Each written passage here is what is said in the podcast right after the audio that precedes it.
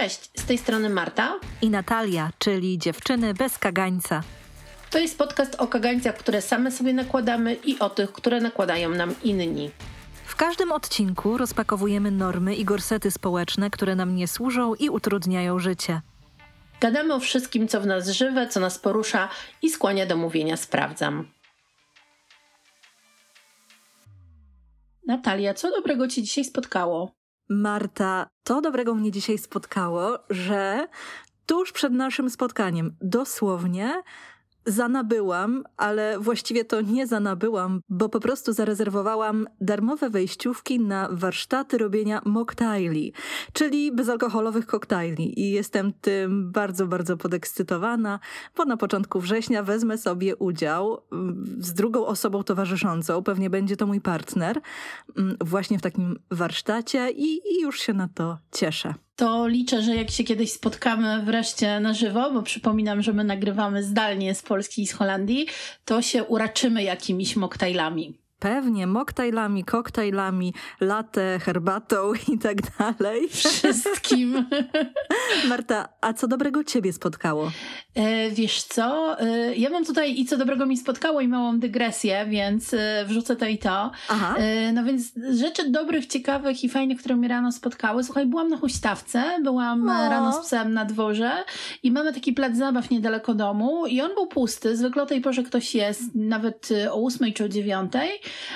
A dzisiaj nie było nikogo. I mamy taką huśtawkę w kształcie gniazda. To jest takie, że kładziesz się plecami, trochę się zapadasz mhm. tymi plecami, wiszą ci nogi i głowę, albo tylko nogi, w zależności od wielkości tego gniazda i kołyszysz się tak na pół leżąco i mam taką drugą huśtawkę w parku, do którego chodzimy i tam się huśtam często. Pod domem huśtałam się po raz pierwszy i to było bardzo przyjemne i miałam na uszach słuchawki i słuchałam muzyki. Mój pies sobie tam weszł dookoła i to było bardzo, bardzo miłe. Trwało kilka minut, ale wprawiło mi w bardzo dobry nastrój. I powiem Ci, że to jest też taka moja refleksja, że ja się bardzo chętnie dzielę tym, co dobrego mnie spotyka i jakie mhm. ładne, miłe, fajne rzeczy mam w życiu, czy to pokazuję to na Instagramie, czy jakby opowiadam to, e, a rzadko też opowiadam o rzeczach, które wiążą się z pracą, trudnościami, e, poświęceniem czasu, więc e, ostatnio usłyszałam od kilku osób, że ty to jesteś ciągle na wakacjach, co jest absolutnie nieprawdą, bo ja w tym roku byłam na wyjeździe może z pięć dni, czyli naprawdę niewiele, ale to było tak podzielone. Marta nie jest ciągle na wakacjach. Nie jestem ciągle na wakacjach. I na przykład nie wspominam o tym, że wczoraj prowadziłam warsztat dla moich koleżanek ze studiów, z psychodietetyki i prowadziłam go prawie do 22. Też musiałam do niego wow. przygotować. I to było bardzo miłe i fajne, ale jakby tych elementów nie pokazuje tak dużo, więc mówię, jestem osobą, która może być postrzegana jako ciągle na wakacjach. Co jak wiemy, obie nie jest prawdą. Nie, to jest takie trochę o takim fałszowaniu rzeczywistości przez media społecznościowe, więc nigdy nie ufajmy mediom społecznościowym żeby patrzeć na życie innych ludzi. Mm, wiesz co, to jest bardzo ciekawe, o czym mówisz, dlatego że coraz częściej, myślę, mamy takie podejście, że chcemy oglądać więcej prawdziwego życia ogólnie mm -hmm. w mediach społecznościowych, a i tego życia z wszystkimi jego odcieniami, tam gdzie się pojawia płacz, smutek, złość, te emocje, które są dla nas nieprzyjemne, obok tych miłych rzeczy. A ja myślę, że to, co ty robisz, to jest takie skupienie na celebrowaniu życia i pokazywania, że można że można się zachwycić na przykład widokiem, spacerem, bo to nie są jakieś huśtawką. takie rzeczy, które są dokładnie huśtawką, bo to nie są rzeczy, które nie są dla nas nieosiągalne. To nie jest tak, że ty kreujesz jakieś rzeczy, mm, pragnienia w ludziach, które byłyby dla nich niedostępne. Na przykład, nie wiem, wyginając się gdzieś na plaży na Bali, tylko to jest bardziej taka celebracja codzienności i wydaje mi się, że to jest ważna część twojej obecności w sieci, przynajmniej ja to tak postrzegam. No to dobrze, to, to ja się cieszę. Więc w każdym razie tą dobrą rzeczą, która mnie dzisiaj spotkała, było huśtanie się rano na huśtawce. E, I to trochę nas chyba prowadzi do tematu dzisiejszego odcinka, bo dzisiaj będziemy rozmawiać o rzeczach przyjemnych, a mianowicie o mhm. marnowaniu i wydawaniu czasu na rzeczy, które zupełnie są niekoniecznie do życia potrzebne, ale dla życia miłe i wzbogacające, czyli będziemy rozmawiać o hobby. No i pierwsze pytanie, Natalia, czy ty masz hobby? Marta, myślałam, że powiesz o marnowaniu czasu i wydawaniu pieniędzy, czy tam nie. traceniu czasu i marnowaniu pieniędzy. Zupełnie nie. I hmm. też nie uważam, że hobby jest marnowaniem czasu, ale to takie chciałam zrobić wprowadzenie. No ale wracając, Natalia, czy masz hobby? Wiesz co, mam trudność w odpowiedzi na to pytanie, bo zastanawiam się nad rzeczami, które ja robię tak z przyjemnością w moim życiu i pierwsze co do głowy przychodzi mi to yoga. Tylko znów, czy ja bym uznała jogę jako moje hobby? No wiesz, bo jakby ja mam takie bardzo zachodnie podejście do tejże aktywności, a może nawet nie zachodnie, bo ja po prostu tam chodzę, poćwiczę, bardziej traktuję to jako trening, nie zgłębiam mhm. różnych filozofii, czy, czy w ogóle jogi jako stylu życia. Po prostu korzystam z, jakiejś, z jakiegoś wycinka, z jakiejś części tej praktyki. Mm, natomiast sprawia mi ona przyjemność. Robię to regularnie już od wielu, wielu lat.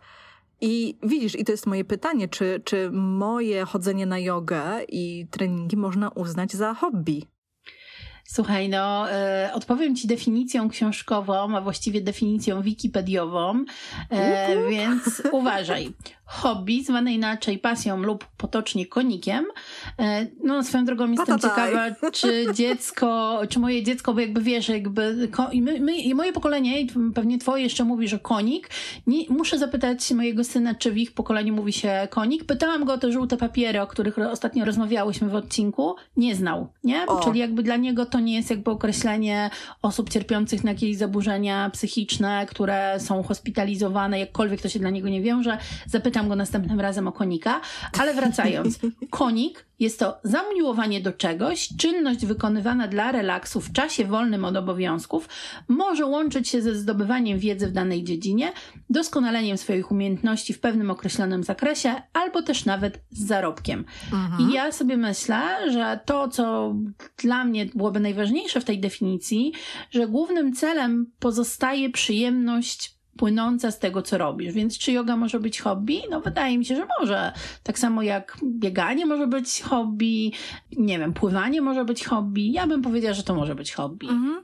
Wiesz co, jak tak ciebie słucham, to myślę sobie, że przecież hobby może mieć różne wymiary jeżeli chodzi o rzeczy, które robimy dla przyjemności, bo ja widzę hobby jako też pewne różne kategorie, czyli właśnie aktywność fizyczną, która nie jest profesjonalna, tylko jest rekreacyjna, ale tutaj znowu mamy taką cienką granicę, czy ktoś, kto przygotowuje się do zawodów, to jeszcze jest to dla niego hobby, czy, czy już nie? Mhm. To jest takie pytanie.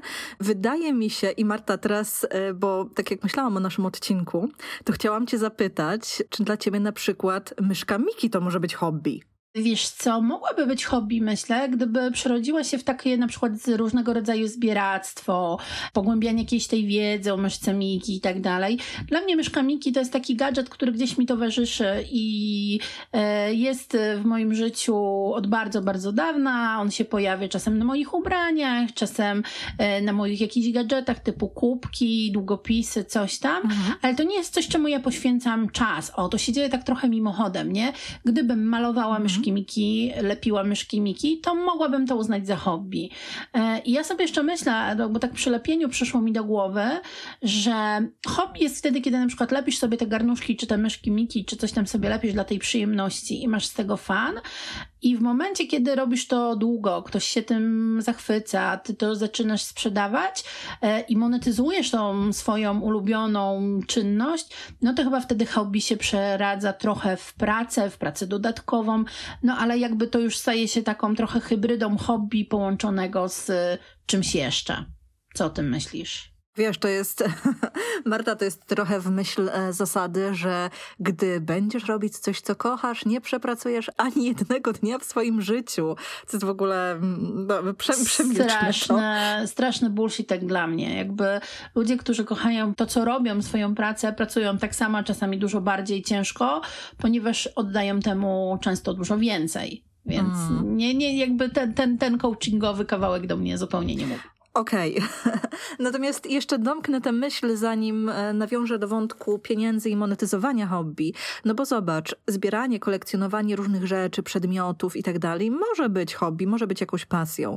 Tak samo jak tak, tak, chodzenie po górach mhm. może być. Tylko nie? u mnie, właśnie, ta, ta mieszkamika u mnie po prostu przychodzi mimochodem, nie? Ja temu nie poświęcam jakiegoś czasu i uwagi i czasu wolnego, dlatego ja bym tego nie potraktowała jako hobby. Brzydkie bombki. O, i to bardziej, nie? I to, to bardziej, bo na to poświęcam czas, to, w to angażuję siebie i innych ludzi. Jestem gotowa, będąc w jakimś miejscu, pójść poszukać sklepu z bombkami i to byłoby dla mnie bardziej hobby. No ja myszce Miki nie poświęcam uwagi, nie?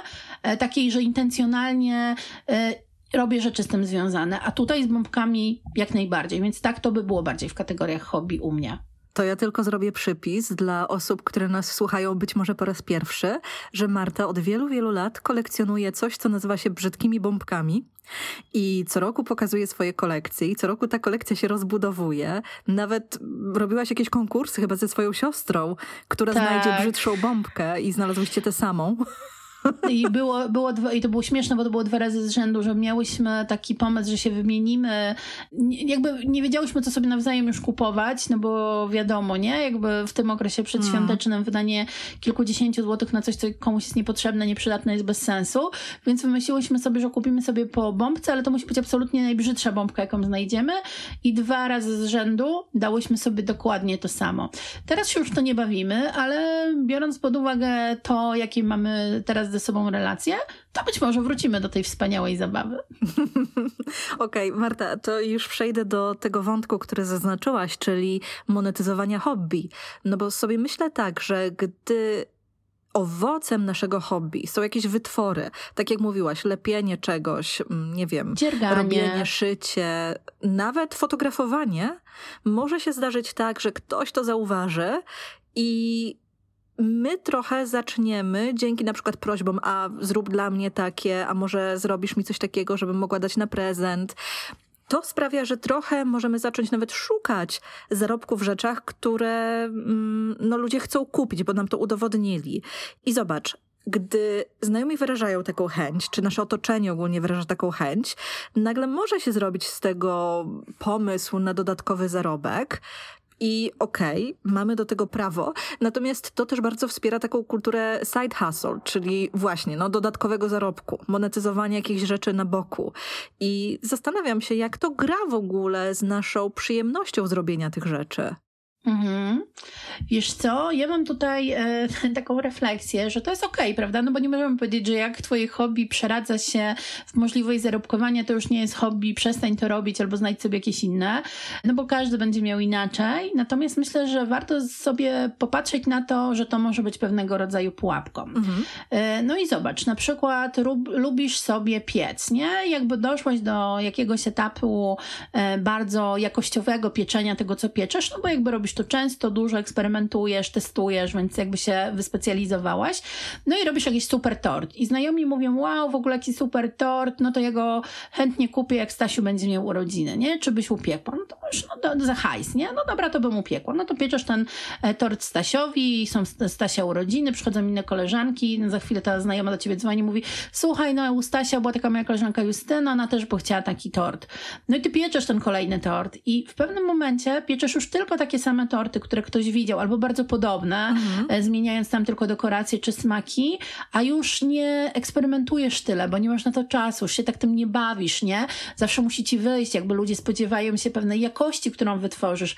Nie możesz się za bardzo pobawić, powiedzieć, a tym razem nie wyszło i będzie takie trochę inne, gorsze, e, ale następne, następne będzie lepsze. Mhm. No więc jakby zaczynasz się bardzo, bardzo autocenzurować, bardzo pilnować, wpędzasz się w jakieś ramy. To może dotyczyć wszystkich wszystkiego, nie wiem, zrobiłeś fajny sweter, fajne rękawiczki, to poszło dalej, ludziom się to spodobało, proszą cię, żebyś zrobiła na sprzedaż, więc ty robisz, no ale w pewnym momencie na przykład dochodzisz do wniosku, że robienie szalików jest dla ciebie bardziej opłacalne, bo mhm. E, robi się go prościej, szybciej, jest to bardziej przewidywalne, jakby efekt końcowy, i na przykład już nie robisz swetra, który kiedyś chciałeś zrobić, no bo już wiesz, że on będzie kosztował cię dużo wysiłku, więcej wełny i tak dalej. E, więc można przejść z hobby w pułapkę, jeżeli nie zauważymy takiego momentu, kiedy po prostu odbieramy sobie tą satysfakcję będącą rozwijaniem tej pasji, spełnianiem się, testowaniem nowych rzeczy, puszczeniem. O właśnie, to jest to słowo, którego mi brakowało, jak rozmawiałyśmy e, o tym odcinku, takim luzem, nie? Że w hobby fajnie jak jest luz, mm. nie? Mhm. Jak ja sobie maluję mm-hmm. i nie będę musiał, e, nikomu tego nie będę pokazywać, nie będę tego sprzedawać, to wydaje się, że mam w sobie inny luz niż kiedy robię rzecz pod zamówienie. I, i tu jest chyba dla mnie ta różnica i ta pułapka, w którą można wpaść monetyzując hobby. A jednocześnie wydaje mi się, że progres to też taka naturalna część angażowania się w hobby. No bo gdy zaczynamy na przykład mhm. fotografować, pisać i tak dalej, zaczynamy z pewnego pułapu i to, że z naszego punktu widzenia idzie nam coraz lepiej, coraz sprawniej, to może też działać na nas motywująco, może nas bardzo nagradzać w tym, że zdobywamy kolejne doświadczenia, z tym, że stawiamy sobie kolejne wyzwania. I myślę, że to jest ważny element hobby.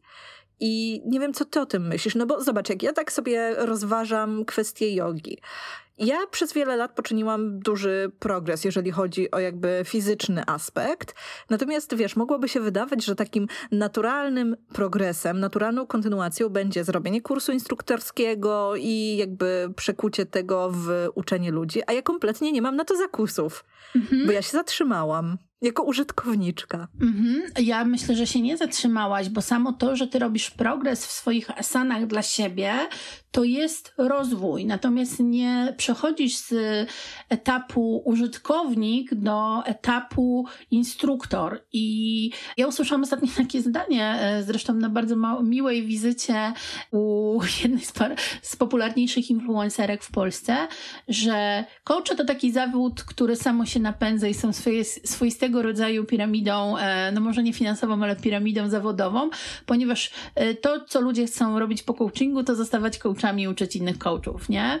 I to jest trochę z tymi instruktorami jogi, że y, no, możesz być coraz lepsza, zdobywać coraz większe skille i prowadzić do tego, żeby sama zostać instruktorką, ale zupełnie możesz tego nie robić i pozostawić to w obszarze niemonetyzowanego hobby, czyli być w tym coraz lepsza, móc zrobić coraz bardziej wyśrubowane asany, y, dłużej w nich wytrwać, ale absolutnie nie iść w tym kierunku, że teraz ty musisz kogoś uczyć.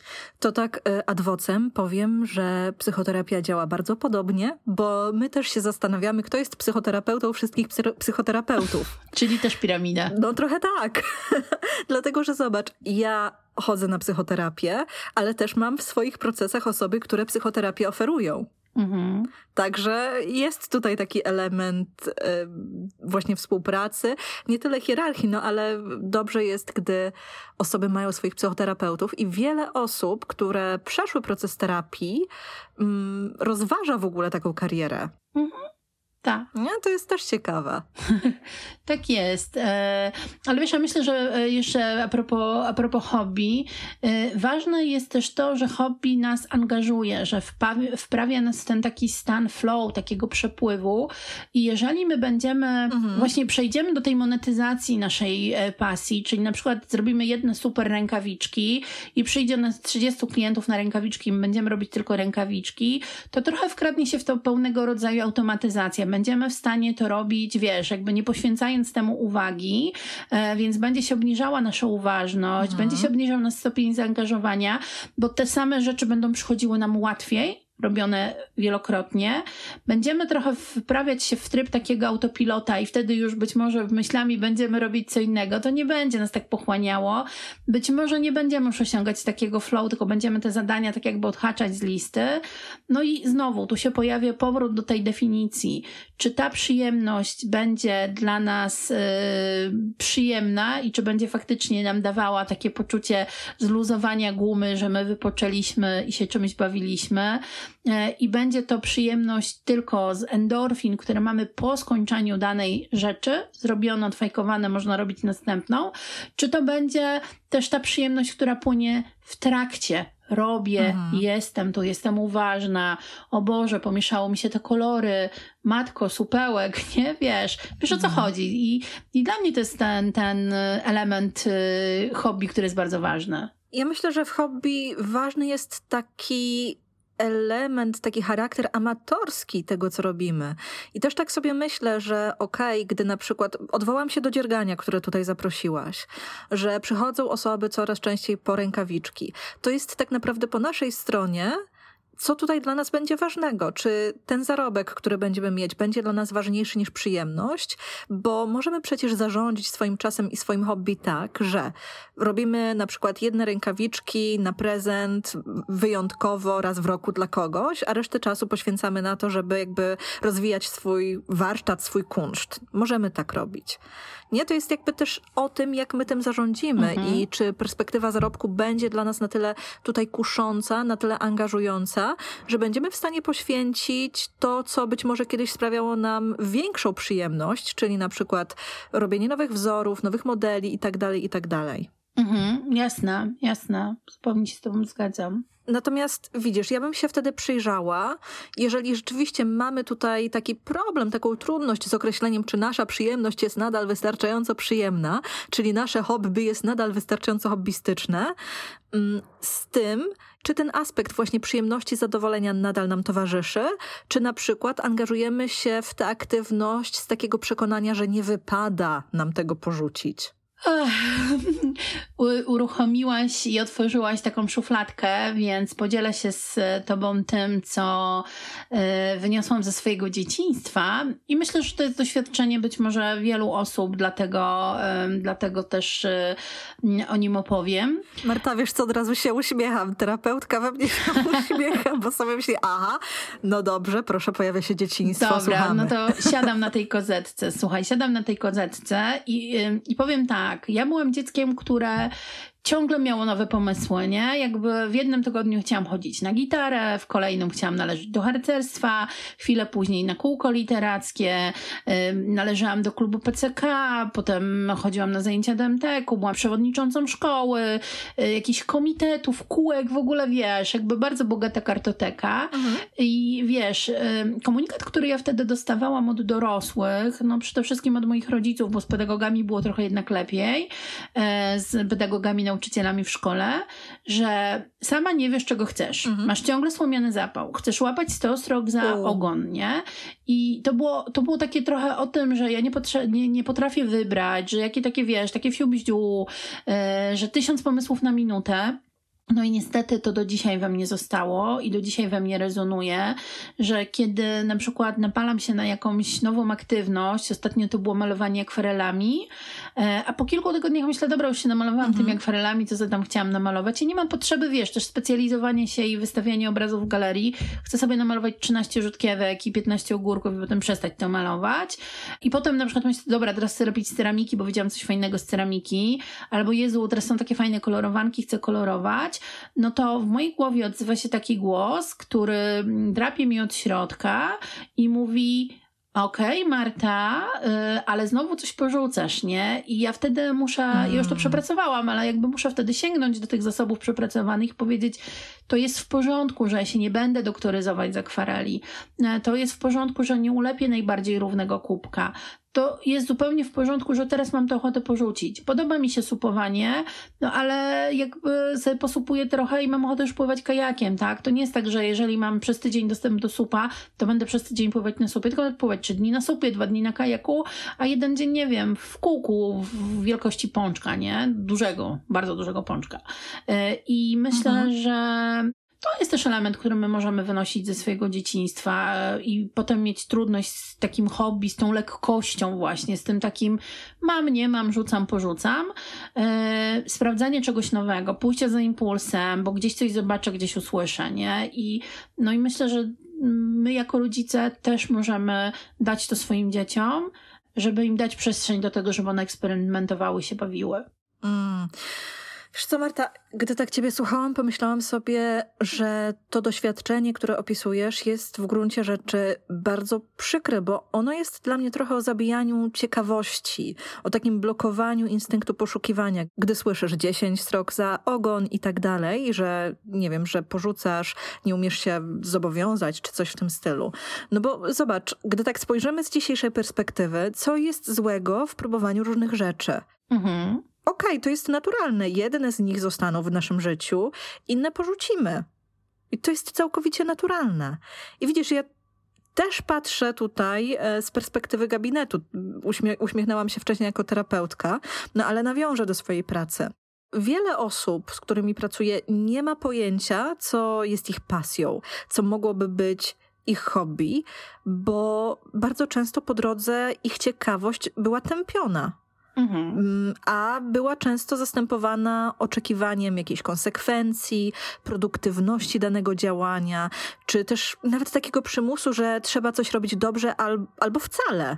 Mhm. I tak sobie myślę, że w tym kontekście to, co jako osoby dorosłe możemy sobie podarować, to i to jest bardzo piękne w tym, właśnie świadomość tego, że mamy znacznie więcej zasobów, aby zaopiekować się naszym instynktem poszukiwania tych przyjemności, tych chwil frajdy, zanurzyć się w tym, że teraz właśnie możemy decydować, na co poświęcamy czas, na co wydajemy pieniądze i też być może mamy w sobie teraz więcej zgody, żeby nie patrzeć na siebie mm, takimi oczami rodzica, który tutaj kalkuluje, czy się opłaca nas posłać na jakieś zajęcia, czy nie. No bo nie ukrywajmy, często ten element finansowy też o tym decydował. Natomiast wiesz, my się wychowałyśmy trochę w kulturze MDK-ów. W MDK-ach większość rzeczy była bardzo, takich aktywności była bardzo dostępna, tak. bo albo była darmowa, darmowa albo tania. Tak, albo płaciło się za semestr w MDK-u i mogłeś tam od gitary po aerobik no. i angielski.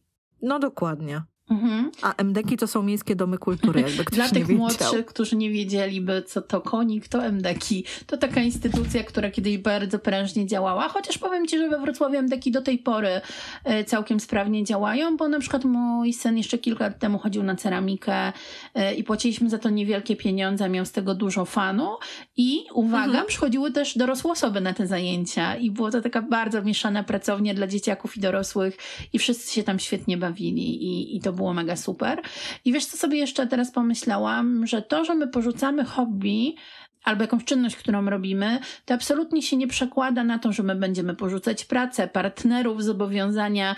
Bo ja myślę, że w wypadku rodziców to trochę jest takie, że oni myślą, że to jest kształtowanie pewnych postaw, że jeżeli pozwolę dziecku co mhm. chwilę mhm. robić nowe rzeczy, mieć nowe hobby, nie być konsekwentnym, porzucać i tak dalej, to ono takie będzie. A to zupełnie nie jest prawda. To, że ktoś ma 30 hobby, nie znaczy, że potem będzie porzucał swoją rodzinę i każdego pracodawcę, nie? Więc warto, warto sobie też y, o tym gdzieś tam z tyłu głowy pamiętać. Bardzo dużo dygresji nam się w ogóle robi, mhm. chociaż miało być łatwo, lekko i przyjemnie, bo hobby. Natomiast ja mam też wrażenie, że są takie grupy hobby, które są ok e, i takie, które jeszcze na ten moment są dziwne i że są takie wyraźne ruchy, kiedy widać, że coś przechodzi z tej mniej popularnej e, sekcji do tej bardziej popularnej. E, I myślę, że takim dobrym przykładem może być działkowanie, bo jeszcze kilka lat temu to było takie ewidentne hobby dla emerytów, Aha. że wiesz, starsi ludzie mieli działkę, wsiadali w samochód, jechali na tą działkę albo szli, potem wracali tramwajem z koszykiem pełnym wiśni i to było jakby zarezerwowane dla takiej grupy, a teraz od kilku lat działkowanie jest strasznie modne.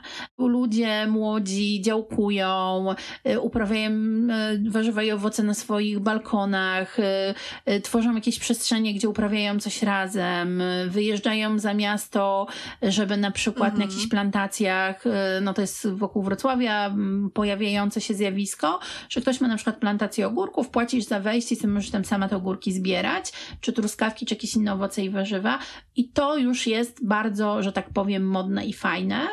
I oznacza to też rzecz, którą ja jako marketer widzę chyba tak dwa razy wyraźniej, że pojawia się za tym rosnący rynek produktów, marek i mhm. przydasiów wokół takiej dziedziny. No bo zobacz, kiedyś e, wystarczyły druty i kmotek wełny, żeby sobie coś tam dziergać, a teraz masz kursy, wzory, y, wełny takie, owakie, druty takie, owakie. Już nagle się okazuje, że nie wystarczy jedna para drutów, żeby coś robić, tylko musisz mniejsze, cięższe, węższe, szersze.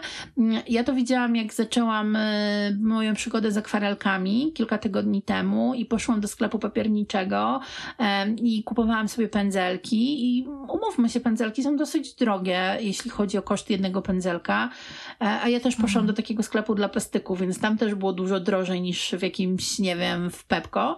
Action. Albo w Action.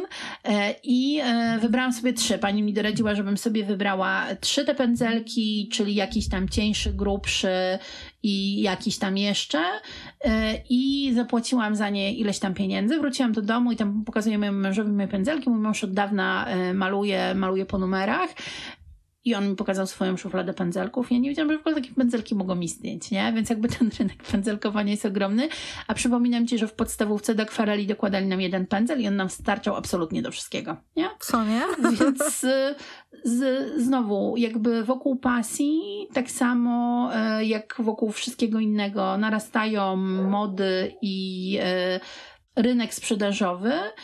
I druga ważna rzecz, o której chciałabym, żebyśmy pamiętali, że są modne i mniej modne hobby, ale to absolutnie nic nie oznacza, bo coś, co dzisiaj jest mało popularne, e, może być za chwilę bardzo popularne, więc wybierając hobby dla siebie, warto się kierować tym nie, co jest popularne albo niszowe, bo my chcemy zawsze niszowe, tylko tym, co nam naprawdę daje radochę, bo ta cała reszta się może zmienić.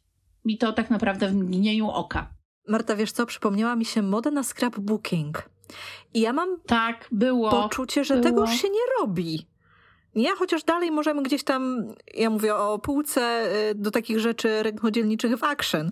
Dalej Aha. możemy znaleźć jakieś tam akcesoria do tego, ale mam poczucie, że to już nie jest takie nahypowane jak kiedyś. Tak. I tak. wiesz, z jednej strony nie chcę, żeby to zabrzmiało tak, jakbyśmy chciały krytykować to, że jakieś hobby jest modne, jakieś działanie jest modne, no bo zauważ, to jest właśnie o poszukiwaniu. Być może dzięki temu, że coś jest modne, działanie typu działkowanie, sadzenie, wyszywanie i tak dalej, pojawi się na naszym radarze i będzie to coś, co z nami zostanie. Zostanie mhm. z nami na dłużej i będziemy mogli znaleźć takie, takie hobby.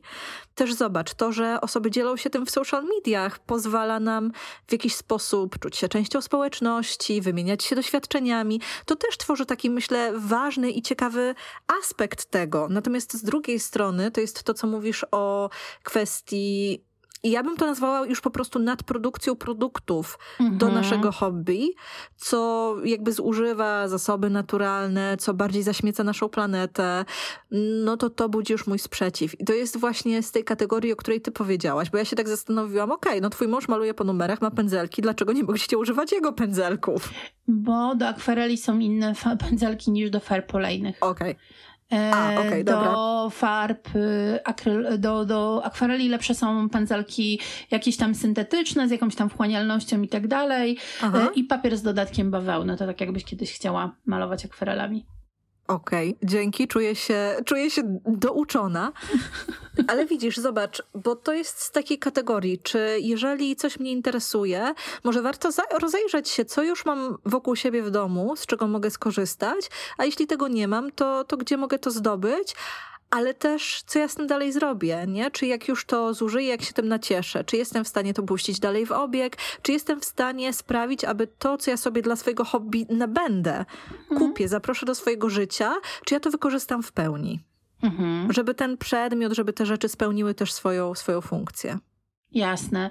No wiesz, na szczęście mamy OLX-a, e, Vinted, mamy we Wrocławiu grupy Uwaga Śmieciarka. Śmieciarki. Tak, Uwaga Śmieciarka jedzie. Absolutnie genialna grupa. Ja się tam ostatnio pozbyłam trochę rzeczy, których, które już nie były nikomu w domu potrzebne. E, więc jak najbardziej tak z tego też można korzystać, kiedy nasze hobby się już nam, e, w, że tak powiem, wyhobbiuje i chcemy się po prostu no, pozbyć rzeczy, które nam zostały. Przy czym myślę, że są takie dwa rodzaje rzeczy, bo jeśli zostają nam rzeczy trwałe, typu, nie wiem, drut, druty, tamborki. Jezu, kolejne słowo, które muszę dziecka zapytać, czy zna. Ja nie znam tego słowa. Do, Co do wyszywania. To było takie coś do wyszywania, tamborek. A, okej, okay, to takie kółko. Tak, Dokładnie, okay, takie kółko. E, więc jeśli zostają nam takie rzeczy trwałe, no to wiesz, spokojnie możemy sobie je mieć i wrócić do tej pasji za 5, 10, 15 lat. Ja się śmieję, że na emeryturze. Mhm. E, ale też są takie rzeczy, które no po prostu mają datę ważności. To mogą być właśnie farbki, to może być jakaś glina, plastelina, e, to mogą być rzeczy związane z kulinariami, jeśli gotujemy, to mogą być sadzonki, na nasionka, nawozy, więc jakby tego jest się lepiej pozbyć i gdybyś nam za 5 lat wrócił wróciła znowu chęć, to jakby albo sobie kupić, albo sobie poszukać i przejąć od kogoś nawet na tej śmieciarce, no niż kisić to, a koniec końców to wyrzucić. Wiesz co, ja tutaj w Holandii mamy takie second handy z rzeczami mm, nie typu ciuchy, tylko właśnie rzeczy do domu. I tam w dziale z dekoracjami tam, gdzie są też obrazy, jakieś ramki, często znajdziesz amatorską sztukę. I ja sobie myślę, okej, okay, nie wszystko to jest jakieś takie szczególnie piękne i nie wyobrażam sobie, okej, okay, może ktoś to kupi. Natomiast widać, że to było dzieło takie, wiesz, powstające hobbystycznie, no ale kimże ja jestem, żeby decydować, czy to jest warte powieszania na ścianie, czy nie do końca. Mm. Ale też się zastanawiam, co w ogóle kieruje osobami, które selekcjonują asortyment, żeby to tam wprowadzić. Wiesz co, nie mam pojęcia, to też odpala, odpala u mnie jakiś kolejny kawałek, pod tytułem mm, boję się robić rzeczy, które będą nieużyteczne. I to jest w ogóle jakaś głębsza historia i to już tylko na kozetkę, więc jakby podziwiam ludzi, którzy po prostu te rzeczy oddają, bo a nuż widelec znajdzie się ktoś, kto z tego skorzysta. Niekoniecznie tak jak myślisz, że weźmie i powiesi na ścianie, ale może wykorzysta to jako ponownie pod obrazie, zamaluje, potrzebna mu jest taka deseczka, mm. więc ja bym tutaj była bardzo y, miękka w stosunku do takich kwestii, po co ktoś to gdzieś tam wystawia. Z drugiej strony też rozumiem, bo to jest dla mnie bardzo trudny temat, wyrzucania rzeczy, nie? Czyli na przykład y, kiedyś rozmawiałam o tym z koleżanką, która mhm. chciała sobie wyklejać koraliki i powiedziała, że tylko dlatego, że potem nie wie, co z tym zrobić, jak ona już te koraliki wyklei, nie zrobiła tego, nie? Mimo tego, że miała ochotę. I to jest znowu ważny element naszej dyskusji o środowisku, śmieciach i tak dalej, i tak dalej, która może być dla nas bardzo blokująca y, w zakresie próbowania nowych rzeczy i nowego hobby. Mhm. Więc ja popieram. Jak ktoś ma ochotę, no wiesz, wydaje mi się, że trudniej jest wyrzucić wrzucić swój obraz namalowany, niż dać go do jakiegoś sklepu e, właśnie typu właśnie taki charity shop, gdzie być może komuś się przyda, albo ktoś sobie z niego kawałek wytnie i coś z nim zrobi dalej. Z drugiej strony to jest też o tym, że trochę z naszego problemu robimy problem innego człowieka. Mhm. Ale wiesz co, i tak i nie, no bo jeżeli ten drugi człowiek ma prawo wyboru, czyli nie zdecyduje się tego kupić, no to nie robimy tego, e, nie robimy problemu. Wiesz, to jest trochę jakbyśmy powiedziało o tym, że jak my zrobimy swoje pierwsze nieudane rękawiczki i dajemy je komuś na prezent, no to też teoretycznie może obarczamy go e, jakimś problemem, nie? Ale no myślę, że to w ogóle nie powinno być e, przedmiotem naszej troski, kiedy decydujemy się na o hobby. Jasne. Bo to ja, ja, ja wiem, co mi to robi i mi to robi bardzo ciężko yy, i wiem, że może to też robić innym ludziom. Więc róbmy, a potem się będziemy martwić, co zrobimy z krzywo zrobionymi rękawiczkami. No tu się najlepiej sprawdzają krzywo zrobione ciasta i sałatki, bo to się przynajmniej da zjeść. No, Dokładnie, a wiesz, no jeżeli robimy jakieś rzeczy rękodzielnicze, tak sobie myślę, z rzeczy, które da się przetworzyć, typu papier, mm, jakieś rysunki, no to to jest jakby, wydaje mi się, trochę łatwiejsze do zaopiekowania. No ale dobra, może przejdźmy dalej, zanim, zanim ostatecznie zniechęcimy ludzi do, no, do robienia rzeczy i do poszukiwania rzeczy. Róbcie i poszukujcie. My też będziemy robić i poszukiwać tak sobie myślę, że, że jakimś takim ważnym momentem w naszym życiu może być e, moment, w którym szukamy, wybieramy tych hobby. No i pytanie do ciebie. Natalia, skąd wiedziałabyś, że pora znaleźć sobie nowe hobby e, i spróbować czegoś nowego? Albo w ogóle, żeby znaleźć sobie hobby, nie? Albo znaleźć sobie pierwsze hobby, mhm. tak. Wiesz co, ja tak sobie myślę, że wyszłabym od poczucia zgnuśnienia. Mhm. Mam świadomość, że dla wielu osób właśnie to poczucie jest taką motywacją, aby przyjrzeć się temu, ile w ich życiu jest de facto zabawy, przestrzeni na frajdę, na przyjemności i wiesz, jeżeli ktoś przez dłuższy czas przeważnie tyra, skupia się na obowiązkach i tutaj przychodzi mi do głowy ten cytat zaleśnienia, nie? All work and no play, czyli tylko praca bez zabawy, to nam w pewien sposób zaburza życiową równowagę. I wydaje mi się, że to jest taki dobry moment, aby zastanowić się, co kiedyś być może mnie interesowało. Czy ja widzę jakieś wspólne elementy tego, co mnie interesowało? Czy na przykład była to właśnie sztuka, robienie czegoś rękami, czy może przeciwnie, jakby współdziałanie w kolektywie i wysadza wysadzanie różnych rzeczy, ale nie takie, że je niszczymy, tylko że sadzimy i z tego coś mhm. później wyrasta, nie? Mm, no i też myślę, że takim impulsem może być po prostu taka chęć e, pod tytułem porobiłabym coś, ale nie wiem co. I tutaj też warto posprawdzać, co nas, co nas przyciąga i pozwolić sobie na przetestowanie, popróbowanie różnych rzeczy. Wiesz co, ja tak myślę na swoim przykładzie, że dla mnie impulsem do spróbowania pływania na słupie Y, który mógłby stać się moim hobby, gdyby nie to, że mieszkam we Wrocławiu, tutaj płynie Odra i ja się bardzo boję wpaść do Odry, więc w życiu nie, na razie przy moich skillach nie wypłynę supem, nie spróbuję, nie stanę supem na Odrze, ale tym, co mnie jakby mm, skłoniło do tego, żeby spróbować, no było to, że pojawiłam się w miejscu, gdzie te supy były i była czysta woda. I to dla mnie był impuls, żeby to zrobić.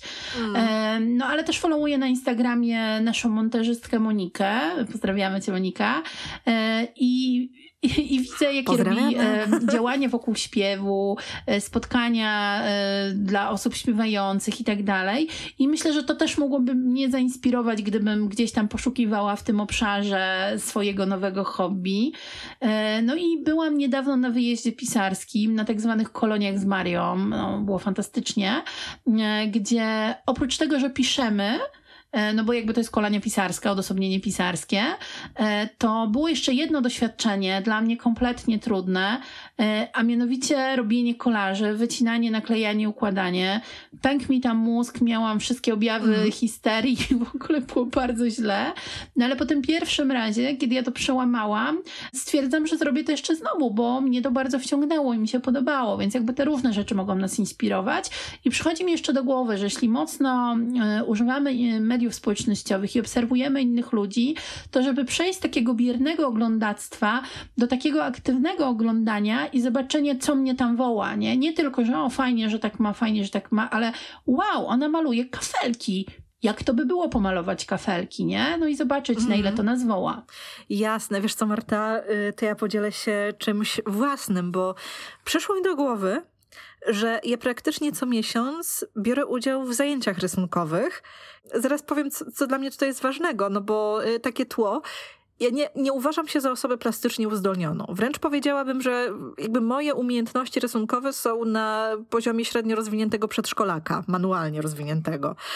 I dla mnie to, co mnie tam zatrzymało, co sprawia, że ja tam wracam, było to, że instruktorki powiedziały: zapomnijcie wszystko, co jakby wiecie, komu wolno rysować, tylko poczujcie jeszcze raz tę dumę, z którą siedmioletnie dziecko podnosi do rodzica obrazek i wiesz, i chwali się: zobacz, co tutaj narysowałam. Na koniec, jakby po każdej, bo to jest też e, rysowanie aktów. Mm, I to też ma taki kolektywny charakter, że osoby, które przychodzą porysować, pozują nie? że tam to się wymienia. I mhm. że na koniec pokazujemy y, swoje dzieła, i to też ma taki wymiar, że ta osoba, która była rysowana, widzi siebie w interpretacji bardzo wielu osób. Nie? I to też jest jakby takie, to jest dla mnie fascynujące. No, ale widzisz, ja miałam taki, takie podejście, no przecież ja nie umiem rysować w ogóle, czy, czy ja tych osób jakoś nie krzywdzę tymi swoimi bazgrołami. Nie? Ale właśnie tam ludzie powiedzieli, ej, no jakby przykładasz, kreślisz kreski na, na papierze, umiesz rysować, koniec. I rzeczywiście czasami mi te rysunki wychodzą lepiej, czasami no mm. po prostu mhm. masakra. Natomiast wiesz, ja też rozumiem jakby takie, takie podejście, że to, co mi było wolno jako dziecku, czyli jakby popełniać błędy, żeby to było jakieś krzywe, amatorskie, wydaje mi się mniej akceptowalne, gdy jestem dorosła. Że jako dorosła, w cudzysłowie, powinnam potrafić coś robić, żeby w ogóle się pokazywać w, w miejscach publicznych, nie? Mhm. No, ja bym spytała, skąd masz to zdanie, nie? Skąd, skąd, wie, skąd to wiesz, kto ci to mówi, bo może mówić to tylko i wyłącznie twój wewnętrzny głos. Nie, no wewnętrzny krytyk, ten sam, który powiedział w ogóle, kto takie rzeczy wrzuca do, do second handu, nie? Mm. Bo to nie jest tak naprawdę o tych ludziach, to jest bardziej o mnie, że mi by było wstyd. Tak, tak. Ja myślę, że to jest zdecydowanie zawsze o nas. E, I sobie myślę tak, ja jestem dość dobra w pieczeniu. Wychodzą mi naprawdę rzeczy, które nie myślałabym, że mi wychodzą. Jak sobie robię przerwę i długo czegoś nie robię, to początek jest trudny, to moje tegoroczne jagodzianki, które po prostu wypłynęły co do jednej, mimo tego, że rok temu mi się pięknie zamykały i po prostu idealnych cukierni. E, no i na przykład moja siostra nie ma takiego skilla i ostatnio upiekła jakieś ciasto drożdżowe i wrzuciła mi zdjęcie. I ja byłam z niej szalenie dumna i nie miałam czegoś takiego, że myślałam sobie, Jezu stara, no jak w ogóle możesz piec coś takiego, przecież to nawet nie wygląda i pewnie nie smakuje. I myślę, że ta czułość, którą my mamy w stosunku do innych ludzi, kiedy pokazują nam swoje dzieła, to jest to, co powinniśmy osiągnąć w stosunku do siebie, nie? Czyli jakby ktoś, kto nigdy nie rysował, coś nagle narysował i ci to pokazał, może byś pomyślała, wow, jakie fajne, super, zrobiłeś to, nie? A sobie mówisz, no nie, no jako dorosła osoba powinnaś umieć namalować proporcje człowieka. Nie? Ale wiesz, to jest też o tym, Marta, że pewnie miałabym dużo więcej wyrozumiałości i, takiego, i takiej dumy dla kogoś innego niż dla siebie. No, zwykle tak jest. A powiedz proszę, czy to, że ty chodzisz i malujesz na, na zajęciach, oznacza też to, że malujesz między zajęciami w domu? E, wiesz co? To jest ciekawe, bo ja prowadzę sobie art journal, czyli taki dziennik twórczy, gdzie sobie różnymi technikami jakieś rzeczy robię, co mi tam do głowy fantazja przyniesie. I czasem jest to kolaż, czasami sobie pomaluję akwarelami, czasami zrobię jeszcze coś innego, na przykład jakąś e, po poezję wizualną tylko ja o tym nie myślę jako o hobby, czy jakiejś tam pasji, tylko dla mnie to jest sposób na kojenie i uspokajanie układu nerwowego. Mhm. I wiesz, dla mnie to jest bardziej funkcjonalne mhm. niż artystyczne i to jest też taka cienka granica, nie? Jakby co, na co, co mi to daje, na co mi to pozwala wiesz, jakby później mój partner tam ogląda, co tam zrobiłam. Mhm. Też w tym jest dużo takiego zainteresowania, takiej czułości, ale dla mnie to jest, wiesz, jakby ja nie robię tego, żeby to komukolwiek pokazywać. Dla mnie to jest istotne, bo, bo mi to coś mhm. załatwia. To mi daje pewną korzyść. Mhm. Ma to Rozumiem. sens?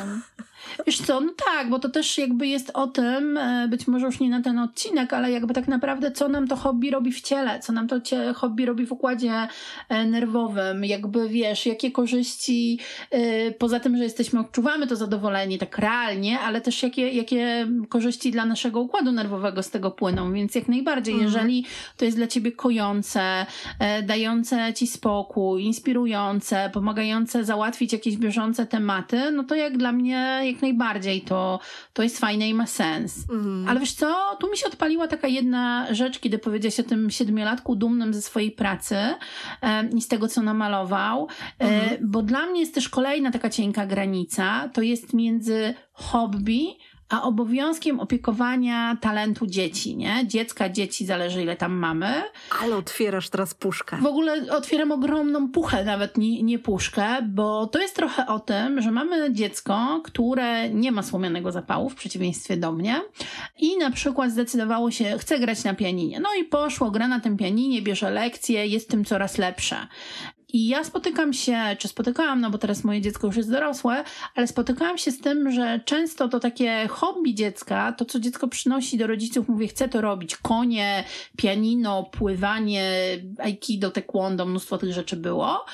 Jest w tym coraz lepsze poświęca na to czas, rodzice też poświęcają na to jakiś czas zasoby i w pewnym momencie dziecko mówi, nie chcę już tego robić. I tu się trochę pojawiają dwie ścieżki. Mhm. Albo rodzic mówi, ok, w porządku, możesz już nie grać na tym pianinie, ale widzę też tą drugą ścieżkę, kiedy rodzic mówi, nie no, słuchaj, grasz od trzech lat, to nie możesz teraz tego przerwać, musisz grać dalej. I ja to też rozumiem, bo wiem, że często kiedy robi się trudno, e, kiedy dziecko już nie ma tylko takiego fanu z tego jeżdżenia na koniu, ale pojawiają się jakieś zawody, pojawiają się jakieś przygotowania, pojawiają się jakieś wyrzeczenia z tym związane, czyli masz hobby, które wiąże się z wyrzeczeniami, im tych wyrzeczeń może być więcej, tym może być to dla dziecka trudniejsze.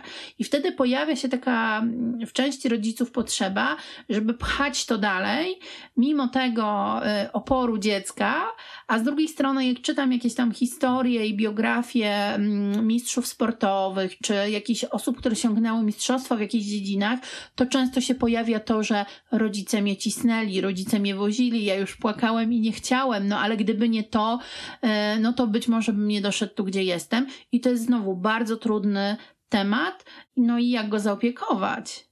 Wow, Marta, zapraszasz do wypowiedzi lambadziarę bezdzietną, ale chociaż psychoterapeutkę, więc mogę się wypowiedzieć. Na szczęście. Uf. E, nie, wiesz co, bo tak sobie myślę, że z jednej strony ważna jest perspektywa, że wśród tych osób, które mają takie doświadczenia, czyli że okej, okay, jestem tutaj, bo rodzice kiedyś mnie wozili, cisnęli i tak dalej, chociaż pomimo płaczu, to jest bardzo niewielki odsetek osób, które w coś się angażowały i osiągnęły sukces.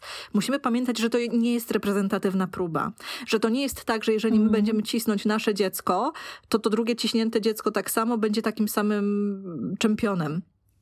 To jest jedna mhm. rzecz.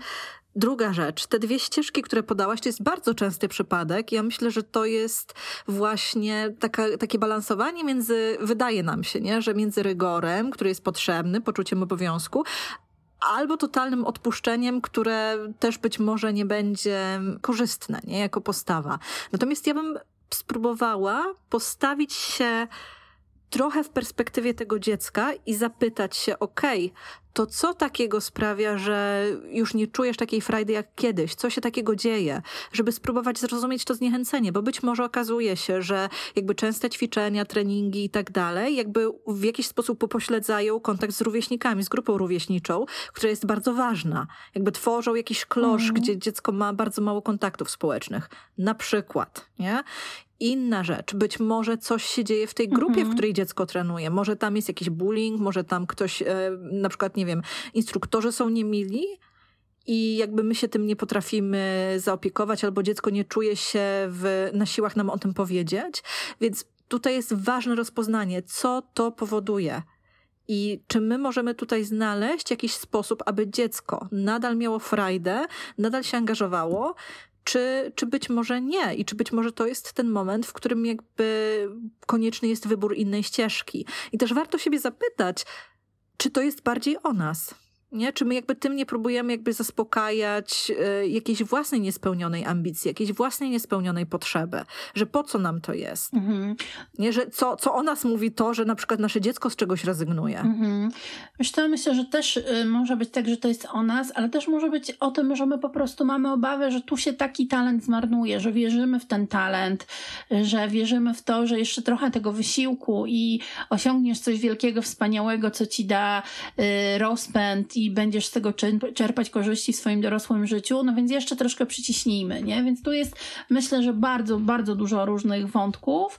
Marta, ale talenty nie znikają tak szybko. Mm -hmm. I, że, I to jest w ogóle mit. Ja, jasne, jako dzieci łatwiej się różnych rzeczy uczymy i być może, gdy zaczniemy trenować e, jakieś, nie wiem, sporty, taniec, gdzie nasze ciało jest miękkie, się rozwija, no to być może jakby ten progres będzie jakby istotniejszy, ważniejszy i tak dalej, chociaż to jest w ogóle jakby osobny temat, co my robimy z ciałami dzieci w niektórych dyscyplinach, kiedy te ciała przechodzą na emeryturę, no ale to jest w ogóle osobna kategoria.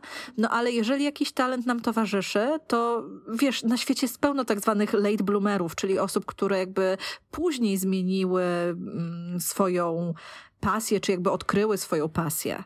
I one nie są w żaden sposób gorsze. Mm. Nie? Nam się wydaje, że jeżeli nie nauczymy się grać na instrumencie, gdy mamy ileś tam, nie wiem, kilka lat, to już nigdy się tego nie nauczymy. A powiedziałabym, że za przeproszeniem gówno prawda. Mm-hmm. No ja mam taką koleżankę z poprzedniego wyjazdu do szpisarskiego, która jako dorosła osoba wróciła do swojej pasji z dzieciństwa, czyli jeżdżenie na łyżwach figurowych mhm. E, i osiąga niesamowite rezultaty. Jest to w pełni zaangażowane, poświęca na to dużo czasu. No i jasne, raczej nie będzie to już olimpiada, no bo w pewnym wieku nie biorą ludzi na olimpiady, ale ma z tego dużo fanu i wydaje mi się, że mm, jakby czerpie więcej korzyści niż jakby była ciśnięta, wiesz, prze, prze, przez rodziców jako nastolatka, żeby to robiła. No tak mi się wydaje, no jakby wynika to tylko z mojej obserwacji, więc uznajmy to jako dowód anegdotyczny.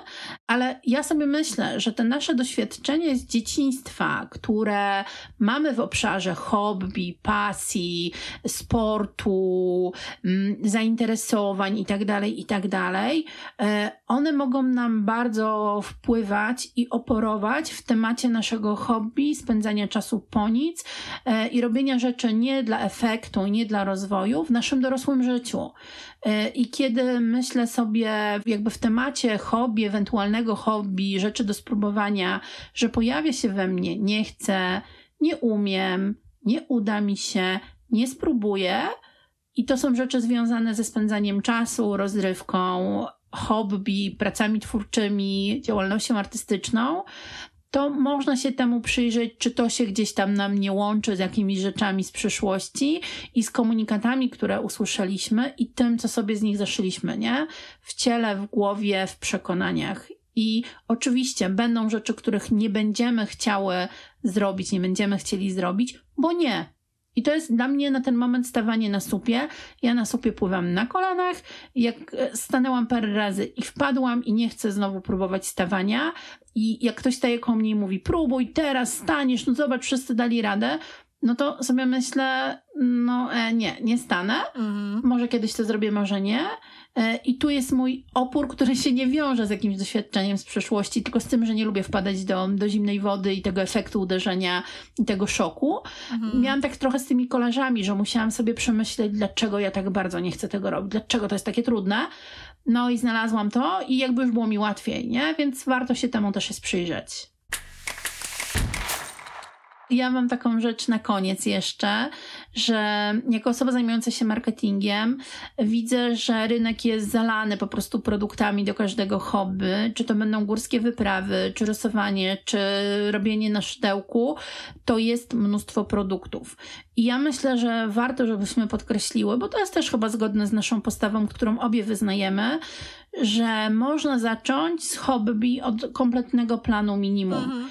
Czyli, żeby zagrać w planszówki, nie trzeba od razu kupić gry za 300, bo mamy ochotę w nią zagrać, tylko można tą grę wypożyczyć, można ją pożyczyć być może od znajomych, można iść do jakiejś knajpy, w której są gry, można się z kimś zamienić, można kupić z drugiej ręki, nie? I podobnie jest na przykład z malowaniem. Na początek, y, jak poszłam do sklepu dla plastyków, to miałam do wyboru, wiesz, farby 370 odcieni i farby 12 kolorów podstawowych. I pani powiedziała, pani weźmie te 12, to pani wystarczy. I to było mhm. super, bo to była bardzo taka praktyczna porada. Przy czym znowu w sklepie dla plastyków i tak było drożej niż w Action, a w Action naprawdę za grosze można kupić e, fajne farby, kredki, notesy, notesy w kropki, które gdzie indziej kosztują po 100 zł, tam kosztują 8 albo 10 zł, więc nie musimy od razu mieć mega profesjonalnych rzeczy, więc nie traktujmy hobby tak serio, że zacznę, jak będę miał to, to, to, jak będę mógł, nie wiem, zacznę piec, jak już będę mieć formę do tortów, formę do, do robienia kształtów, taki, taką nakładaczkę, ta, taki mikser, takie co. No po prostu zacznijmy z tym, co mamy i zobaczymy, bo jak nam nie, nie będzie coś pasowało, to przynajmniej nie wydam jakichś strasznych pieniędzy. No i oczywiście wiadomo, że jest jakieś minimum podstawowe, które zawsze jest ważne i to na przykład dla mnie byłoby wychodzenie w górę. Jeżeli decydujesz się na górskie wycieczki, no to podstawa związana z tym, żeby mieć dobre buty, dobrą kurtkę, dobrą w sensie nie przemakalającą, nie najdroższej marki, dobre buty, czyli takie, które nadają się do chodzenia po górach, ale mogą być, wiesz, za stówkę, nie? Czy tam za 150 zł z jakiegoś sklepu e, sportowego, tylko jakby dedykowane górskim wycieczkom. E, tak samo jak chcesz uprawiać ogród, to nie musisz mieć od razu wertykalnych doniczek, y, jakichś super sadzonek, hodować od razu juzu czy jakichś innych bardziej skomplikowanych rzeczy. Zacznij od rzodkiewki. Ludzie dzielą się w internecie nasionami swoich pomidorów, dzielą się w internecie sadzonkami, bo sobie za dużo wyprodukowali. Naprawdę można znaleźć to tanio i można posadzić to w kubkach po jogurcie, nie? I ja myślę, że takim elementem, który trochę może dobrze zrobić naszemu hobby, to jest przyjrzenie się i sięgnięcie pamięcią do tego, jak daną rzecz robili nasi dziadkowie albo nasi rodzice. Bo może się wtedy okazać, że tak naprawdę pierwsze rękawiczki możesz zrobić ze sprutego swetra, mając tylko jedną parę drutów. Marta, i ja myślę, że tym akcentem, tym wezwaniem po prostu zakończymy dzisiejszy odcinek, zachęcając nasze osoby słuchające, aby nie bały się odkrywać swoich hobby. Dokładnie. I żeby mogły je porzucać i nie krępowały się, że teraz to zacząłem ceramikę i dopiero jak ulepię wazę, to będę mogła zacząć co innego. To dzięki za dzisiaj, Marta. Do następnego. Dzięki. Dzięki, Natalia. Do usłyszenia. To były Dziewczyny bez kagańca. Subskrybuj nasz podcast i podaj go dalej. Do następnego razu.